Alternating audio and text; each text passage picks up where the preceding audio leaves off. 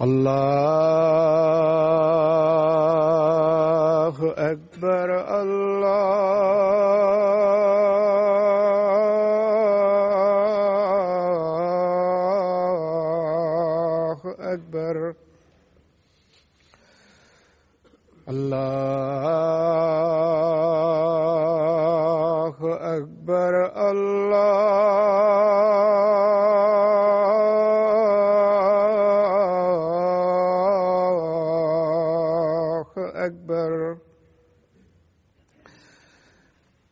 أشهد أن لا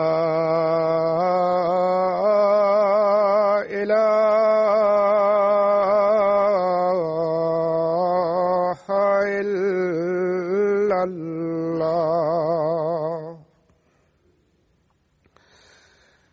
أشهد أن لا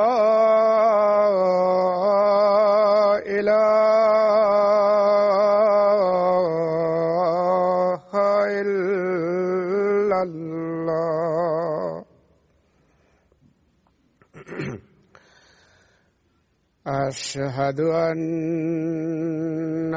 محمد رسول الله.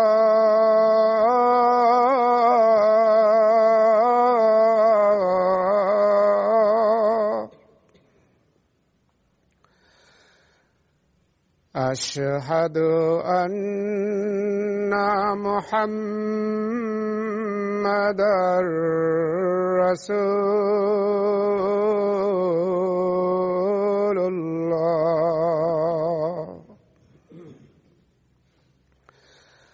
حي على السلام.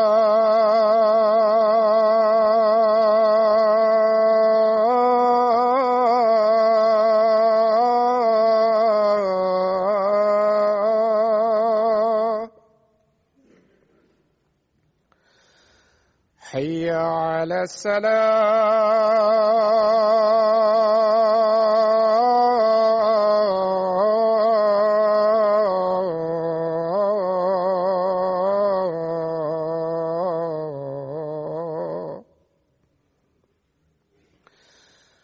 حي على الفلاح.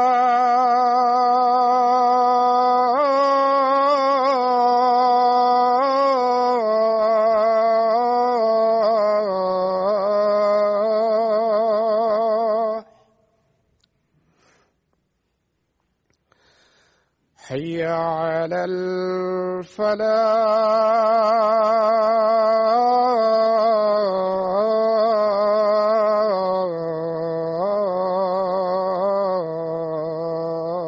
الفلاح الله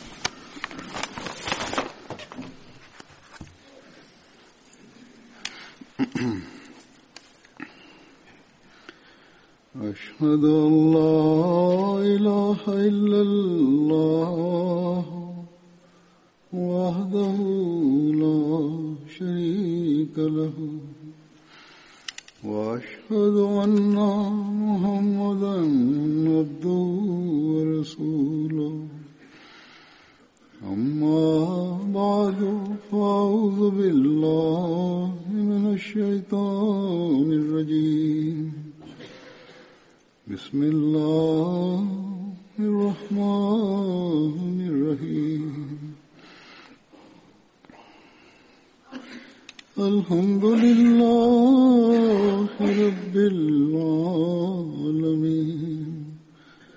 الرحمن الرحيم. مالك يوم الدين. إياك نعبد وإياك نستعين.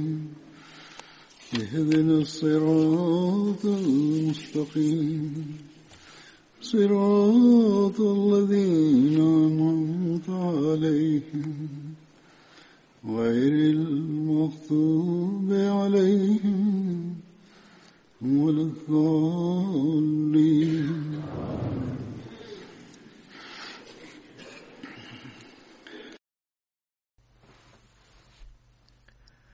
Riwayat hidup sahabat Badar yang akan disampaikan pada saat ini adalah Hadrat Mistah bin Usasah. Nama beliau Auf dan dijuluki dengan Mistah. Ibunda beliau bernama Hadrat Ummi Mistah Salma bin Sakhar, yakni putri dari bibi Hadrat Abu Bakar radhiyallahu anhu Raita binti Sakhr.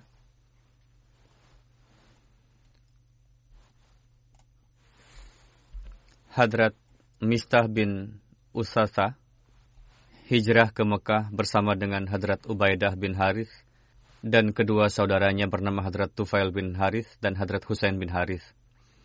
Sebelum berangkat, telah ditetapkan bahwa mereka akan bertemu di Lembah Naji Namun Hadrat Mistah bin Usasah tertinggal di belakang karena terkena gigitan ular. Pada hari berikutnya, orang-orang yang sudah pergi lebih dulu itu mendapatkan kabar mengenai kejadian yang menimpa Hadrat Mistah. Lalu mereka kembali dan membawa Hadrat Mistah ke Madinah. Di Madinah mereka bermalam di rumah Hadrat Abdurrahman bin Salma Hadrat Rasulullah Shallallahu Alaihi Wasallam menjalinkan persaudaraan antara Hadrat Mistah dengan Hadrat Zaid bin Muzayyin. Hadrat Mistah ikut serta dalam perang Badar dan seluruh peperangan lainnya bersama dengan Hadrat Rasulullah Shallallahu Alaihi Wasallam. Delapan bulan pasca hijrah, Rasulullah mengutus Hadrat Ubaidah bin Haris beserta 60 atau dalam riwayat lain 80 pasukan berkuda. Rasulullah membuatkan bendera putih untuk Hadrat Ubaidah bin Haris yang dipegang oleh Hadrat Mistah. Tujuan dari perang tersebut untuk menahan kafilah dagang Quraisy. Pimpinan kafilah tersebut adalah Abu Sufyan. Menurut riwayat lain, Ikrimah bin Abu Jahal dan sebagian lagi berpendapat dipimpin oleh Makrad bin Haf Hafs. Kafilah tersebut berjumlah 200 orang yang membawa barang dagangan. Para sahabat mendapati kafilah tersebut di lembah Rabik yang disebut juga daerah Wadan. Kafilah tersebut bukan hanya kafilah dagang, bahkan dilengkapi dengan persenjataan perang. Dan tujuan dari kedatangan kafilah tersebut adalah untuk digunakan dalam perang. Karena dapat diketahui dari kejadiannya, yakni mereka telah melakukan persiapan untuk itu. Ketika berhadapan, yang terjadi tidak lebih dari saling memanah antara kedua pasukan. Tidak dibuatkan barisan khusus untuk berperang. Sebelum ini telah disampaikan juga perihal kejadian tersebut ketika menjelaskan seorang sahabat. Sahabat yang paling pertama melontarkan anak panah dari pihak muslim adalah Hadrat Sa'ad bin Abi Waqqas itu adalah anak panah pertama yang dilontarkan oleh pihak muslim. Pada saat itu, Hadrat Miqdad bin Aswad dan Hadrat Uyainah bin Ghazwan. Sedangkan dalam Sirat Ibnu Hisham dan Tarikh Tabari bernama Utbah bin Ghazwan. Keduanya melarikan diri dari pasukan musyrik lalu bergabung dengan pasukan muslim karena mereka telah menerima Islam dan ingin bergabung dengan pasukan muslim. Ini merupakan syariah Islam yang kedua yang dipimpin oleh Hadrat Ubaidah bin Harith. Setelah saling memanah, kedua pasukan mundur, yang mana telah disampaikan dalam khutbah sebelumnya. Saat itu pasukan musyrik sangat ketakutan dengan pasukan muslim. Mereka beranggapan bahwa pasukan muslim berjumlah besar dan dapat bergabung untuk membantu. Mereka ketakutan lalu mundur namun pasukan muslim tidak mengejarnya karena tujuannya bukan untuk berperang, hanya menghentikan saja kafilah tersebut dan memberikan pelajaran kepada mereka bahwa jika mereka bersiap untuk menyerang pasukan muslim, maka pasukan muslim pun akan siap untuk menghadapinya. Hadrat Rasulullah memberikan 50 wasak biji-bijian kepada Hadrat Mistah dan Ibnu Ilyas ketika perang Khaybar pada masa itu biasanya itu yang diberikan ketika pembagian harta ghanimah, harta rampasan. Beliau wafat pada usia 26 tahun. Sedangkan dalam kitab sejarah Tabaqatul Kubro berumur 56 tahun. Yakni pada tahun 34 Hijri pada masa Khalifah Hadrat Utsman dalam riwayat lain dikatakan bahwa beliau masih hidup sampai pada masa Hadrat Ali dan ikut serta bersama Hadrat Ali dalam perang Siffin pada tahun 30 hij 37 Hijri. Hadrat Mista adalah orang yang nafkahnya dibantu oleh Hadrat Abu Bakar. Namun, ketika Hadrat Aisyah difitnah berbuat zina, Hadrat Mista ikut serta bersama dengan orang-orang yang menuduh. Sehingga Hadrat Abu Bakar bersumpah setelah itu tidak akan menafkahi Hadrat Mistah lagi. Yang karenanya turun ayat sebagai berikut. Wala ya'tali ulul fadlim minkum was-sa'ati ayyutu ulil qurba wal masakina wal muhajirin fi sabilillah. Wal ya'fu wal yasfahu. Ala tuhibbuna ay yaghfirallahu lakum? Wallahu ghafurur rahim. Artinya dan janganlah orang-orang yang mempunyai kelebihan dan kelapangan di antara kalian bersumpah bahwa mereka tidak akan memberi bantuan kepada kaum kerabatnya orang-orang yang miskin dan orang-orang yang berhijrah pada jalan Allah. Dan hendaklah mereka memaafkan dan berlapang dada. Apakah kalian tidak ingin bahwa Allah mengampuni kalian? Allah maha pengampun, maha penyayang. Setelah turun ayat tersebut, Hadrat Abu Bakar mulai menafkahi Hadrat Mistah lagi. Ketika Allah Ta'ala menurunkan ayat yang menyatakan ketidakbersalahan Hadrat Aisyah dari tuduhan itu, maka orang-orang yang memfitnah itu dihukum. Berdasarkan sebagian riwayat lain, Rasulullah memerintahkan untuk menghukum cambuk orang-orang yang memfitnah. Di antaranya ikut juga Hadrat Mistah. Berkenaan dengan fitnah yang dilontarkan ini, Hadrat masih Maud alaihissalam menjelaskan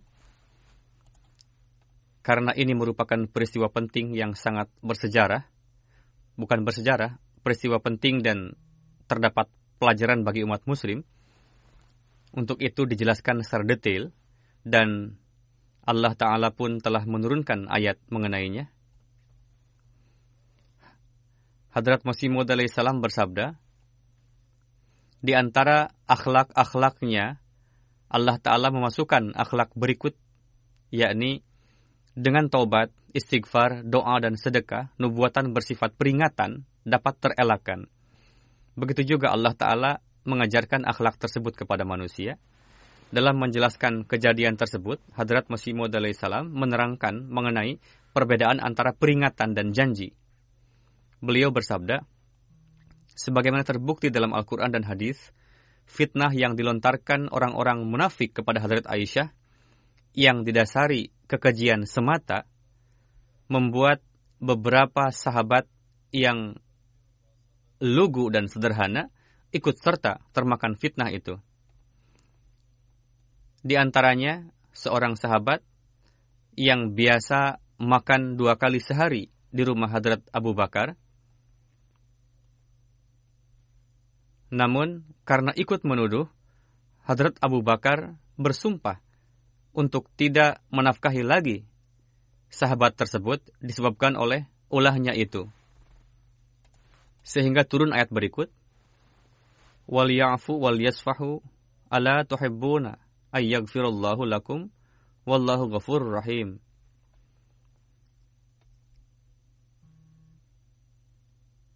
Setelah itu Hazrat Abu Bakar mematahkan janjinya dan mulai menafkahi lagi seperti biasa.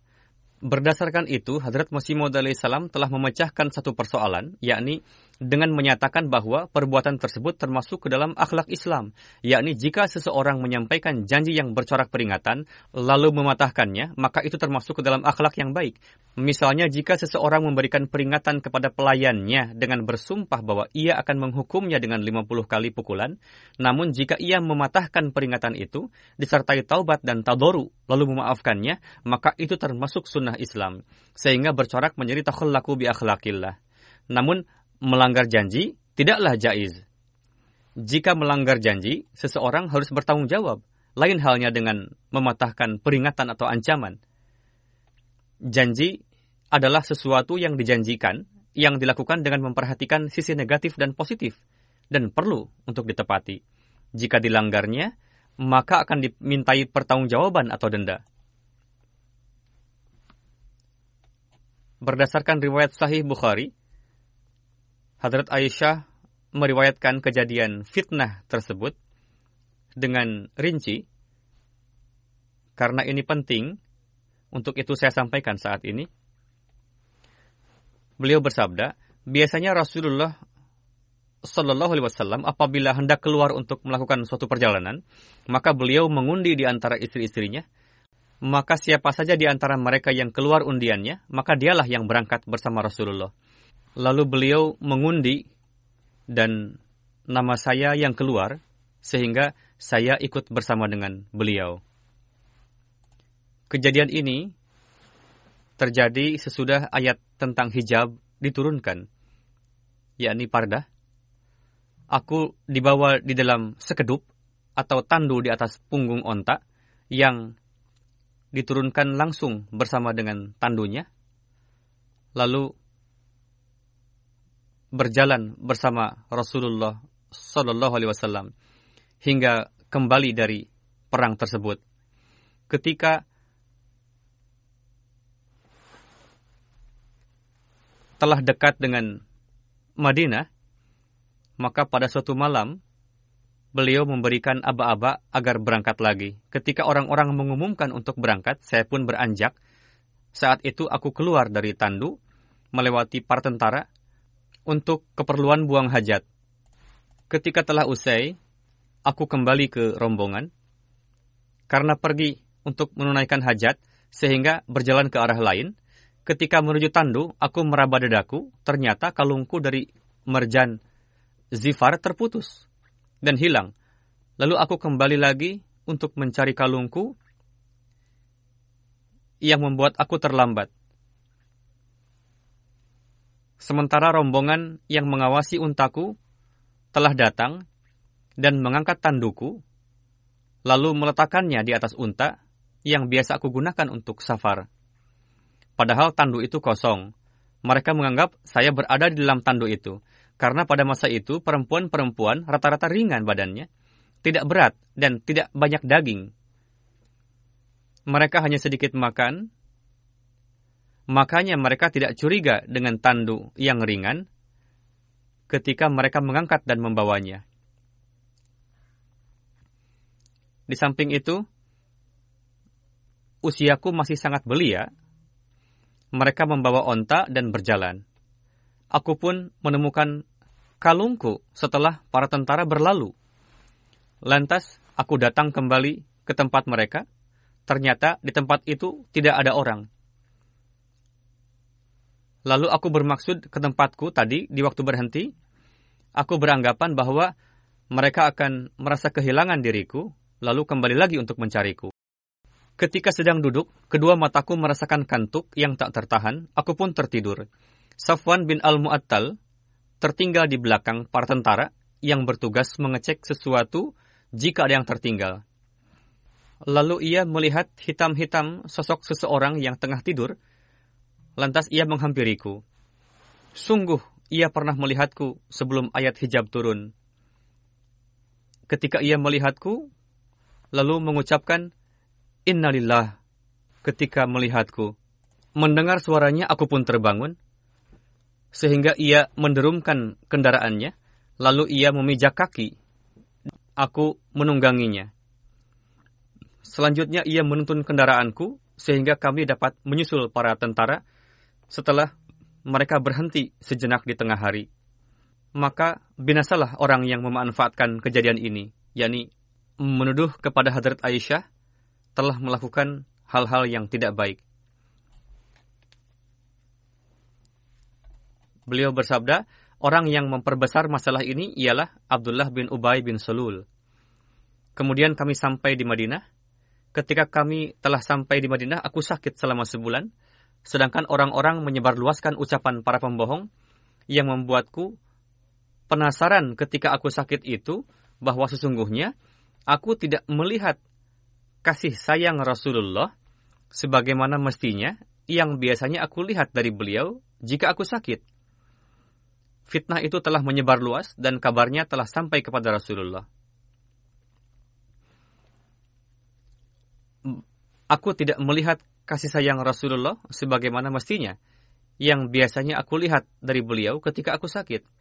Beliau hanya masuk, lalu mengucapkan salam dan berkata, Bagaimana keadaanmu? Saya tidak tahu sedikit pun mengenai fitnah itu. Sebelum menanyakan kepada orang tuaku, ketika pada masa masa penyembuhan, lalu aku dan Ummi Mistah pergi ke Munase, tempat untuk buang hajat, karena sebelum kami dapat membangun toilet di dekat rumah-rumah, kami biasa keluar malam untuk buang hajat. Pada masa itu, orang-orang keluar rumah untuk melakukan buang hajat, dan kaum wanita biasanya malam hari melakukannya. Hadrat Aisyah bersabda, sebelum ini kami melakukan buang hajat seperti orang-orang Arab kuno, yakni pergi ke hutan atau keluar untuk buang hajat. Lalu aku dan putri Abu Ruham Umum Mistah terpeleset dari pakaian wol yang dikenakannya. Kontan ia berujar,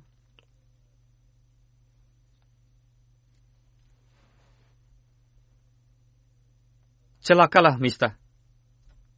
Lantas aku berkata kepadanya, alangkah buruknya ucapanmu, kamu mencela seorang lelaki yang ikut serta dalam perang badar.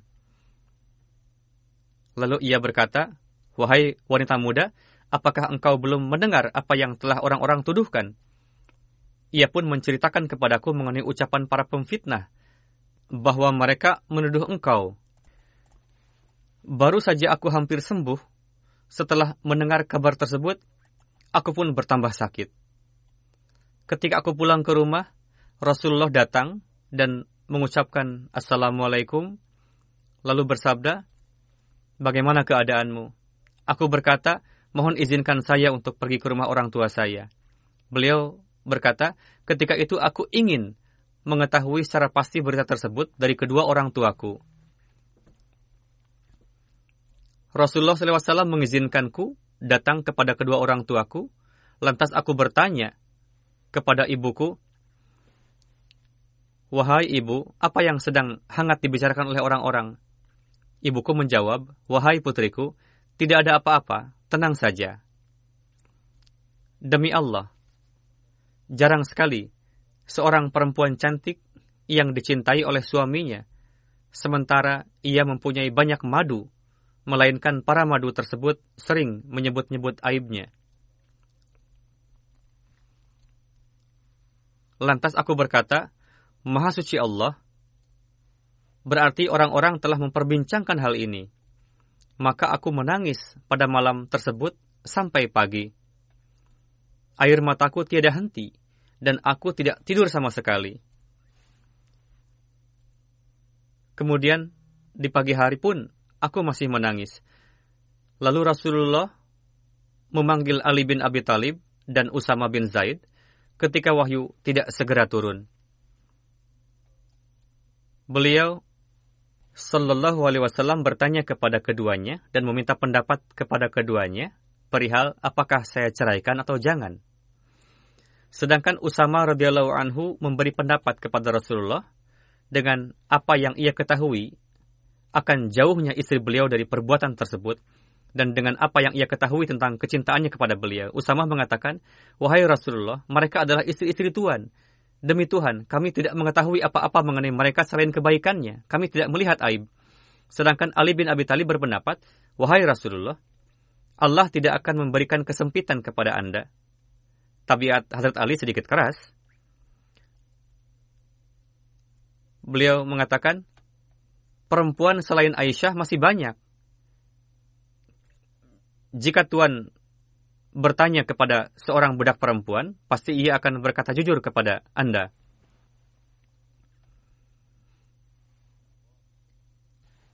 Kemudian Rasulullah Shallallahu Alaihi Wasallam memanggil Barirah radhiyallahu anha. Beliau bertanya, Hai Barirah, apakah kamu melihat sesuatu yang mencurigakan dalam diri Aisyah? Barirah menjawab, Demi zat yang telah mengutus engkau dengan hak, aku tidak pernah melihat sesuatu pun pada dirinya yang dianggap celah, lebih dari bahwa dia adalah perempuan yang masih belia, yang terkadang tertidur membiarkan adonan roti keluarganya, sehingga binatang piaraannya datang, lalu memakan adonan rotinya. Pelayan itu memberikan contoh bahwa tidak ada keburukan dalam diri Hadrat Aisyah hanya keteledoran, yakni suka ketiduran. Lalu Rasulullah berdiri di atas mimbar, seraya mengeluhkan perihal Abdullah bin Ubay bin Sulul, karena ia yang telah menyebarkan fitnah itu. Rasulullah bersabda, Wahai kaum muslimin, siapakah yang sudi membelaku dari tuduhan laki-laki yang telah menyakiti keluargaku mengenai istriku? Demi Allah, aku tidak mengetahui tentang keluargaku kecuali kebaikan. Dan mereka juga menuduh seorang laki-laki yang sepanjang pengetahuanku adalah orang baik.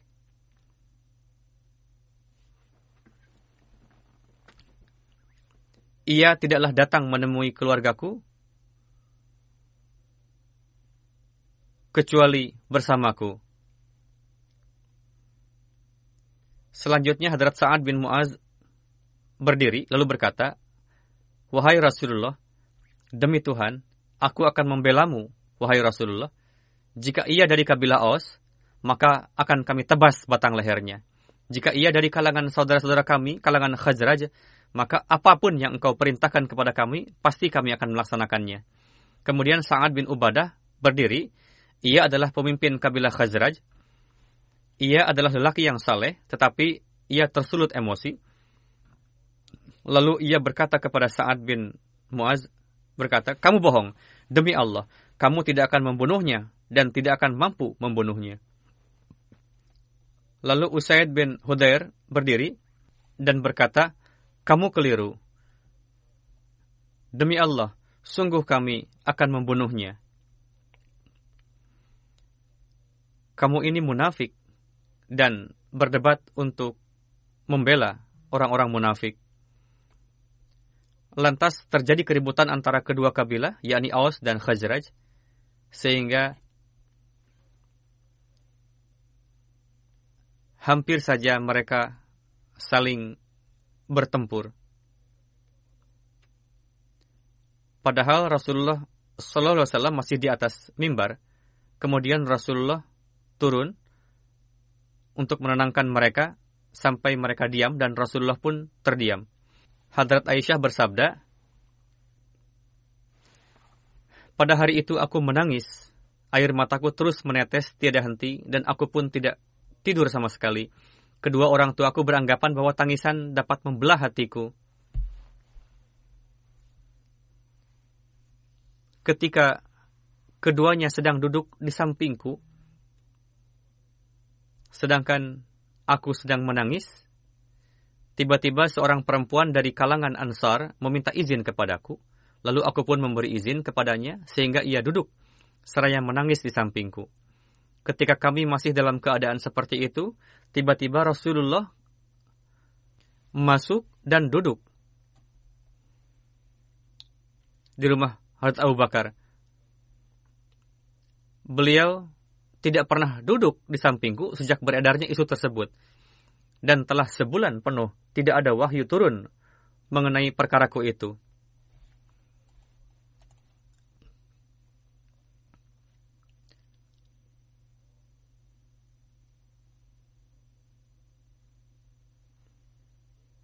Lantas Rasulullah meminta kesaksian pada saat beliau duduk seraya berkata,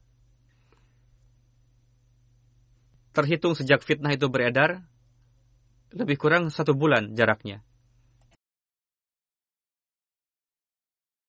Saat itu Rasulullah SAW masih menunggu wahyu dari Allah Ta'ala. Hadrat Aisyah bersabda, Rasulullah meminta kesaksian pada saat beliau duduk seraya berkata, "Amma ba'du, hai Aisyah, sungguh telah sampai kepadaku isu demikian dan demikian mengenai. Jika engkau memang bersih dari tuduhan tersebut, pasti Allah akan membebaskanmu. Dan jika engkau melakukan dosa, maka mohonlah ampun kepada Allah dan bertobatlah kepadanya. Karena sesungguhnya seorang hamba yang mau mengakui dosa dan bertobat maka Allah akan menerima taubatnya. Tatkala Rasulullah telah selesai menyampaikan sabdanya, maka derai air mataku mulai menyusut, sehingga aku tidak merasakan satu tetes pun. Lalu aku berkata kepada ayahku, Tolong sampaikan jawaban kepada Rasulullah atas nama aku, Hadrat Abu Bakar menjawab, Demi Allah, aku tidak tahu apa yang harus aku sampaikan kepada Rasulullah. Selanjutnya,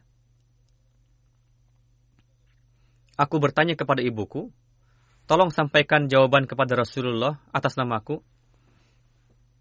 Ibu beliau menjawab, Demi Allah, aku juga tidak tahu apa yang harus aku sampaikan kepada Rasulullah. Lalu, Hadrat Aisyah bersabda, Aku adalah seorang perempuan yang masih belia, tidak mengetahui banyak mengenai Al-Quran saat itu. Saya mengatakan, Demi Tuhan, aku tahu bahwa Anda semua telah mendengar berita ini, sehingga Anda simpan di dalam hati dan membenarkannya.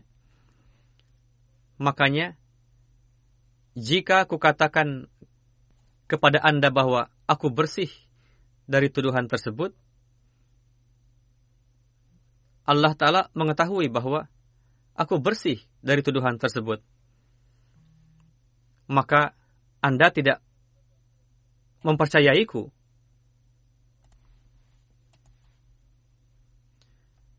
Karena sudah sedemikian rupa menyebar fitnah tersebut. Dan jika aku mengakui sesuatu yang Allah mengetahui bahwa aku terbebas darinya, namun Anda benar-benar akan mempercayainya.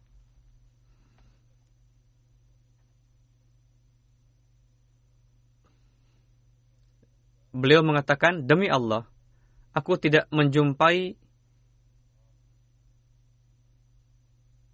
pada diriku dan diri Anda suatu perumpamaan selain sebagaimana yang dikatakan oleh ayahanda Nabi Yusuf alaihi salam kepada saudara-saudara Hadrat Yusuf yang berbunyi, maka hanya sabar yang baik itulah yang terbaik bagiku.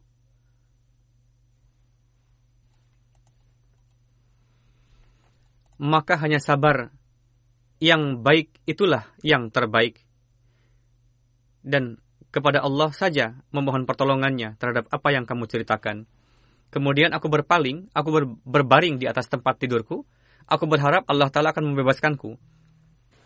Beliau tahu bahwa beliau tidak berdosa dan Allah akan membebaskan beliau. Akan tetapi, demi Allah, aku tidak pernah menyangka akan diturunkan suatu wahyu. Beliau beranggapan bahwa Allah Ta'ala pasti akan membebaskan beliau, namun beliau tidak menyangka sampai-sampai Allah Ta'ala menurunkan wahyu mengenai ketidakbersalahanku. Dalam pikiran saya, akan biasa-biasa saja, namun bagaimana Al-Quran menjelaskan mengenaiku, karena saya tidak layak untuk mendapatkan perlakuan itu, yakni Allah Ta'ala menetapkanku tidak bersalah melalui wahyu Al-Quran. Sebenarnya yang aku harapkan ialah Rasulullah bermimpi di dalam tidurnya, yang di dalam mimpi tersebut Allah Ta'ala membebaskanku dari tuduhan tersebut.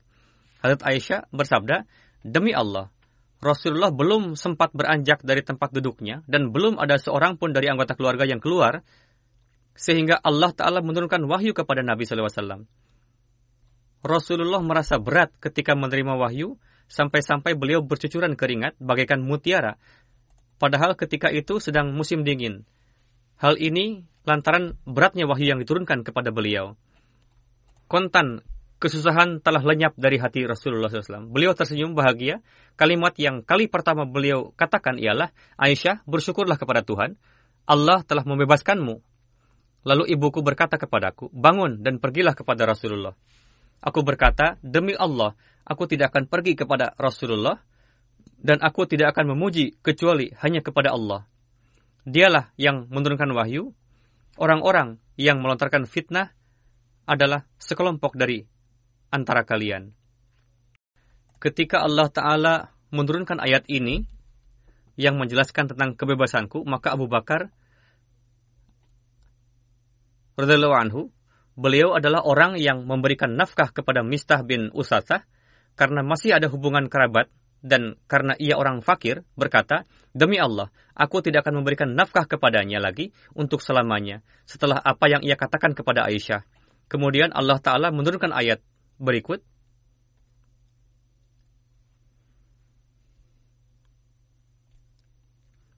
Dan janganlah orang-orang yang mempunyai kelebihan dan kelapangan di antara kamu bersumpah bahwa mereka tidak akan memberi bantuan kepada kaum kerabatnya. Orang-orang yang miskin dan orang-orang yang berhijrah pada jalan Allah. Dan hendaklah mereka memaafkan dan berlapang dada Apakah kamu tidak ingin bahwa Allah mengampunimu? Dan Allah maha pengampun, maha penyayang. Lalu Abu Bakar mengatakan, Baiklah, demi Allah, sungguh aku suka bila Allah Ta'ala mengampuniku.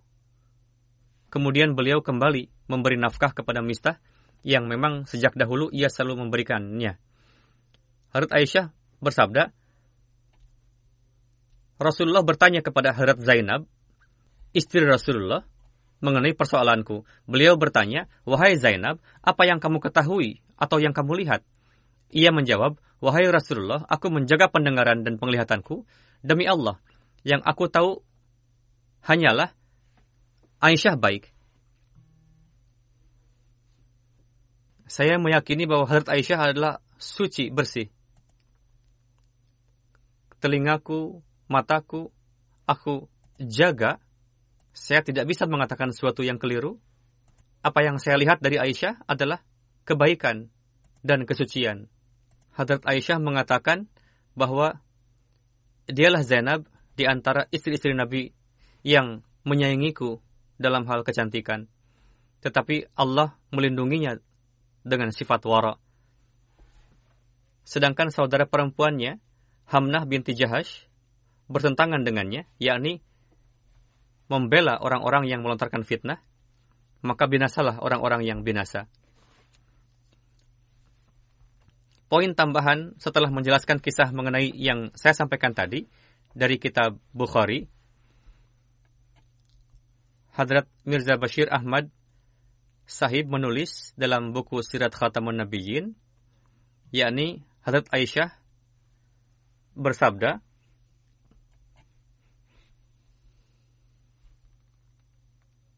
ketika Hadrat Safwan mengatakan innalillahi wa inna rajiun, saya terbangun dan karena saat itu perintah hijab sudah turun, sehingga langsung saya menutup wajah dan dia tidak mengajakku bicara dan aku tidak mendengar sepatah kata pun dari mulutnya selain ucapan innalillah. Sehingga ia membawa untanya dan mendudukkannya di dekatku, lalu ia memijak kakinya pada kedua lutut unta supaya tidak bangkit seketika. Kemudian aku menungganginya. Seperti yang disabdakan Hadrat Aisyah, bahwa wahyu Allah Ta'ala memiliki keutamaan yang khas bagi saya. Karena tidak seperti yang diduga. Walhasil, ini merupakan peristiwa penting, yakni fitnah besar telah dilontarkan kepada keluarga Rasulullah. Hadrat Aisyah memiliki kedudukan yang istimewa. Ini disebabkan karena Rasulullah pernah bersabda bahwa tempat yang paling banyak turun wahyu bagiku adalah ruangan Aisyah. Dalam surah An-Nur, bagaimana reaksi orang mukmin seharusnya berkenaan dengan orang-orang yang menyebarkan fitnah, berkenaan dengan itu telah dijelaskan dengan rinci, yakni bagaimana seharusnya. Kesemuanya ada 10-11 ayat. Ayat yang dirujuk oleh Hadrat Aisyah dalam menjelaskan mengenai ayat tersebut, Hadrat Muslim Maud bersabda, Pertama-tama, ayatnya berbunyi,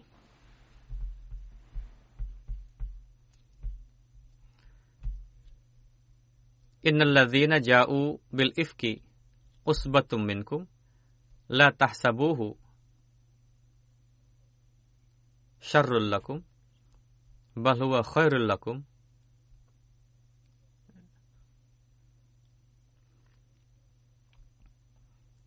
لكل امرئ منهم ما اكتسب من الإثم.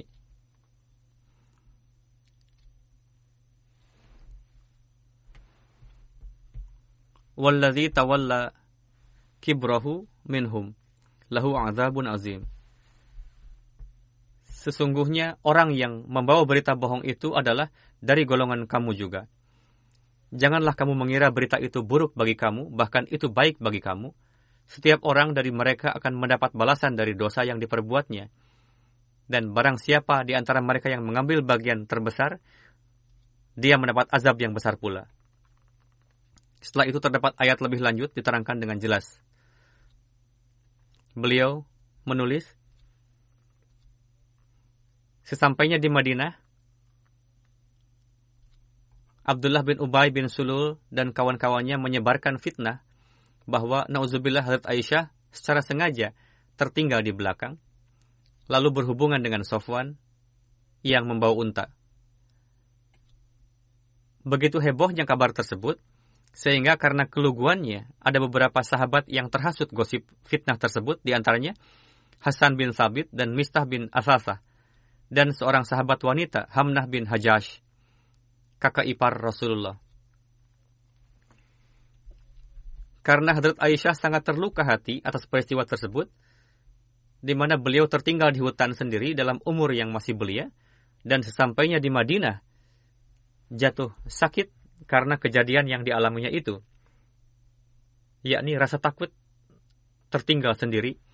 Hadrat Muslim Maud menulis, salah satu penyebab sakitnya beliau adalah hal tersebut. Di sisi lain, orang-orang munafik menyebarkan fitnah mengenai beliau. Akhirnya kabar tersebut sampai kepada Rasulullah. Setelah melihat Hazrat Aisyah sakit, beliau tidak dapat bertanya dengan mengatakan apa yang tengah diributkan oleh orang-orang munafik.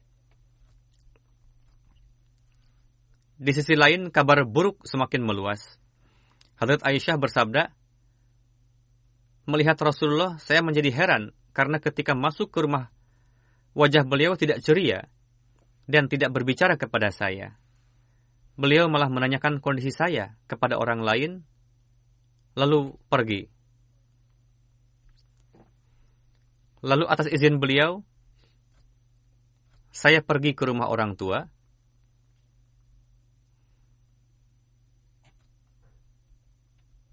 Selanjutnya, kisah pergi buang hajat. Beliau pergi bersama dengan kerabat ia menyebut anaknya. Mistah berkata, Sungguh sial Mistah. Hat Aisyah bertanya, kenapa berkata demikian? Ia menjawab, tidak tahukah engkau bahwa Mistah mengatakan yang tidak-tidak mengenaimu?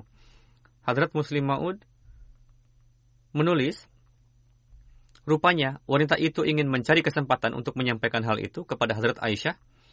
Fitnah apa yang tengah merebak? Karena beliau tidak mengetahuinya. Ketika Hadrat Aisyah mendengar kabar tersebut, beliau sangat terpukul, lalu pulang. Lalu beliau yang tadinya sudah hampir sembuh dari penyakit, namun sesampainya di rumah, penyakit beliau kambuh lebih parah.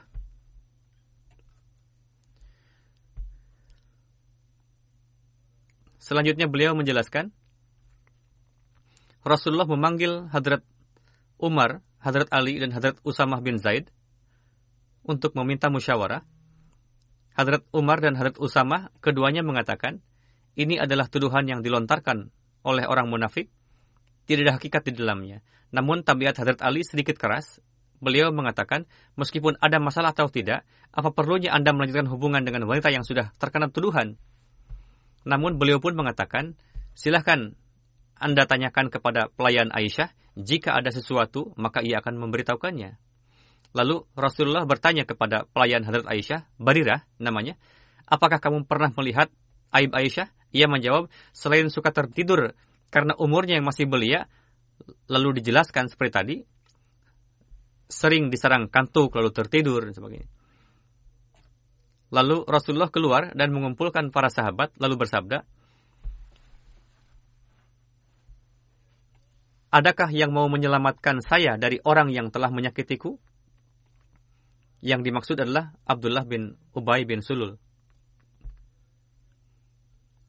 Selanjutnya, Sa'ad bin Mu'az, pemimpin kabilah Aus, berdiri dan berkata, Wahai Rasulullah, jika ia dari kabilah kami, maka kami akan siap membunuhnya. Jika ia dari Khazraj, maka kami pun siap membunuhnya.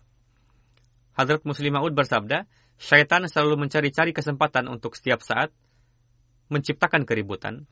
Pada saat itu pun, syaitan tidak lengah.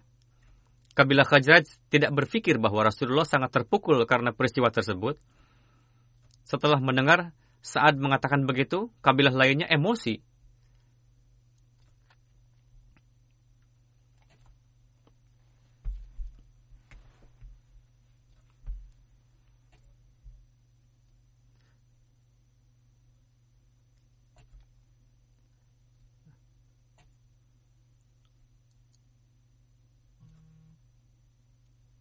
Sa'ad bin Sa'ad bin Ubadah berdiri mengatakan kepada Sa'ad bin Muaz, kamu tidak akan membunuhnya dan tidak akan mampu membunuhnya. Dalam perdebatan itu pun sahabat lainnya berkata, kami akan membunuhnya. Kita lihat siapa yang akan menyelamatkannya. Hadrat Muslim Ma'ud menulis, percekcokan itu tidak hanya di mulut saja, bahkan mereka mulai mengeluarkan pedang dari sarangnya hampir terjadi pertempuran. Rasulullah dengan sulit sekali melerainya. Kabilah Aus mengatakan bahwa kami akan membunuh orang yang selalu menyakiti Rasulullah. Kabilah Khazraj mengatakan, kalian mengatakan ini tidak dengan ikhlas. Kalian tahu bahwa ini ia dari kabilah kami, karena itu kalian katakan demikian. Dari ini terbukti bahwa kedua kabilah tersebut sangat mencintai Rasulullah namun syaitan telah menciptakan keributan di antara mereka. Hadrat Muslim Aud menulis, mengenai kondisi pada saat itu, dengan mudah orang-orang dapat memahami bahwa betapa ketirnya kondisi saat itu. Di satu sisi Rasulullah sangat terpukul, sementara di sisi lain umat muslim sudah saling mengangkat pedang untuk bertarung.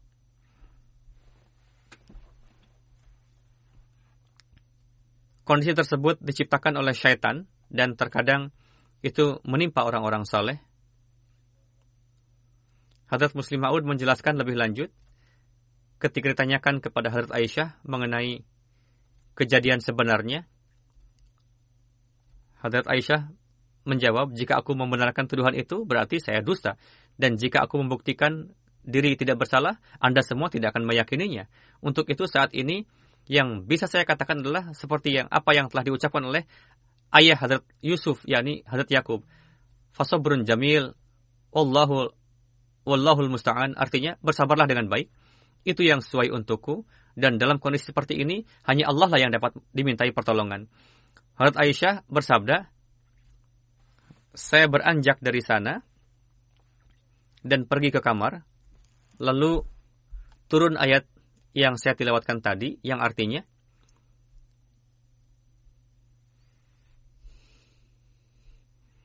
Sesungguhnya orang yang membawa berita bohong itu adalah dari golongan kamu juga.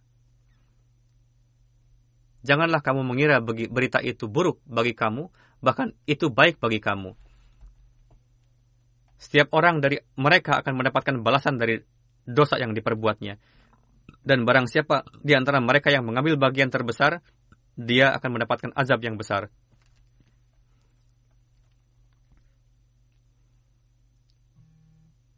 Setelah wahyu tersebut, wajah Rasulullah tampak cerah. Hadrat Aisyah mengatakan, Berterima kasihlah kepada Rasulullah. Saya berkata, saya akan bersyukur kepada Allah Ta'ala. Seperti telah dijelaskan di awal, Hadrat Muslim Aud pernah menyampaikan dalam satu kesempatan khutbah, yakni disebabkan karena melontarkan fitnah kepada Hadrat Aisyah, ada tiga orang yang mendapatkan hukuman cambuk di antaranya Hasan bin Thabit, yang termasuk penyair besar Rasulullah, lalu Hadrat Mistah, saudara sepupu Hadrat Abu Bakar, ia orang yang sangat miskin sehingga selalu tinggal dan makan di rumah Hadrat Abu Bakar. Beliau selalu membuatkan pakaian untuknya. Yang ketiga adalah sahabat wanita yang mendapatkan hukuman cambuk. Dalam Sunan Abu Dawud pun dijelaskan mengenai hukuman tersebut.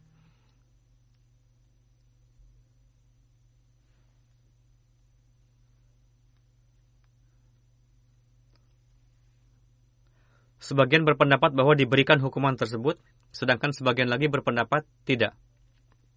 Namun apakah dihukum atau tidak, sahabat tersebut telah dimaafkan oleh Allah Ta'ala. Hukuman dunia yang harus didapatkan telah beliau dapatkan, dan seperti yang saya terangkan, beliau-beliau ikut pada peperangan berikutnya. Hadrat Mistah adalah sahabat Badar, memiliki kedudukan yang tinggi. Allah Ta'ala telah memberikan kehidupan akhir yang baik kepada beliau, dan Allah jaga kedudukan itu. Semoga Allah Ta'ala senantiasa meninggikan